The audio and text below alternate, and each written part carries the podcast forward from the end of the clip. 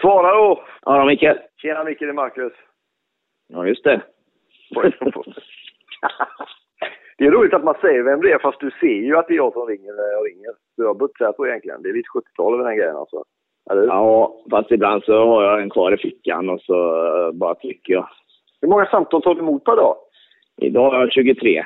Okej, svarar du varenda gång? Ja, det måste jag göra. Vad tänker du på? Nej, bara kolla. För jag har ju så telefonskräck. Jag har lite svårt att prata i telefon. Men, men äh, gillar du att prata i telefon eller är det ett nödvändigt ont? Ja, alltså... Har det hänt att jag har ringt och du inte svarar? Nej, fast eh, jag måste ju svara för att eh, det genererar ju pengar liksom att svara. Ja, det är riktigt. Det, det finns ett gammalt eh, ordspråk där den som stoppar huvudet i sanden tjänar inga stålek.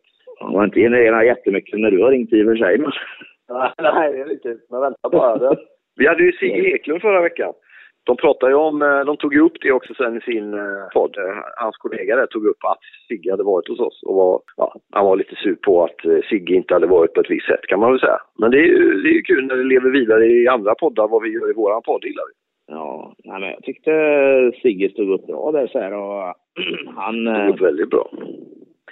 Ja, alltså grejen är så att eh, Alex har ju byggt sin karriär på, på ett eh, polariserat eh, samhälle och eh, det är klart att han blir ju orolig när hans bästa vän liksom eh, eh, går och sätter sig i en podd och då inte frågar de frågor som Alex tycker man måste fråga då för att vet, fortsätter det inte vara så polariserat då har han ingen arena att vara på va.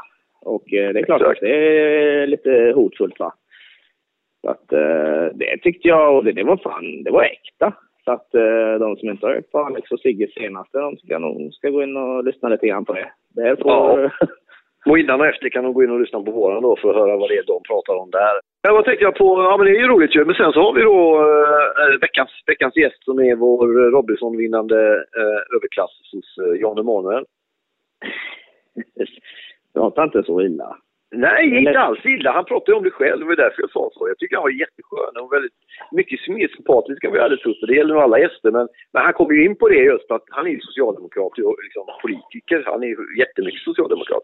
Men han är också eh, lever, eh, eller har en livsstil kan man väl säga, som provocerar socialdemokratin rätt mycket. Så man tjänar pengar och dyra klockor och sånt där. Han snackar om det lite på. Ja, men är inte det förlegat det där jävla tjabblet nu då?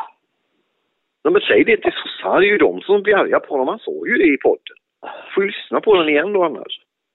Ja, ja, nej, men alltså, jag, jag tror, eh, ja, jag så sett, jag tror på vad han säger, det är inte det, men jag tror inte att, jag menar, kolla på alla sossar, det verkar inte vara så längre liksom. Jag tror att kanske en del fastnar i det där tjabblet liksom. Sossarna är ju, ja men du ser väl, de är ju som moderater eller bunten om det nu är så, eller vad du nu ska kalla dem. Ja. Men en Alla vill tjäna pengar. Det spelar ingen roll om det är sosse eller om det är vänsterpartist ändå. I slutändan vill de tjäna pengar allihop.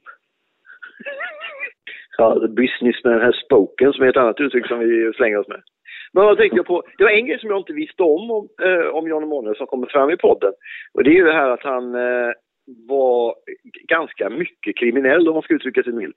För han var en av de första som, som fick åka på de här eh, för 20-25 år sedan väldigt uppmärksammade eh, värstingresorna kallades det. Det var kryssningar till Västindien där man skulle Ja men du vet, ungefär som att man nu för tiden... ja, det var jätteroligt. Det läste jag jättemycket om då. Det var någon gång där på 90-talet där. Ja, jag skickade iväg värstingar till Västindien. Ja. Sådana här riktigt superkriminella som de skulle liksom försöka bota på en resa till Västindien. Och de satte ihop ett sånt riktigt gäng som bara ställt till allt var de än har sett foten. Liksom har bara kommit snett och så sätter de dem på en båt och åker dit. Det gick väl sådär. Han har ju varit med om väldigt, väldigt mycket.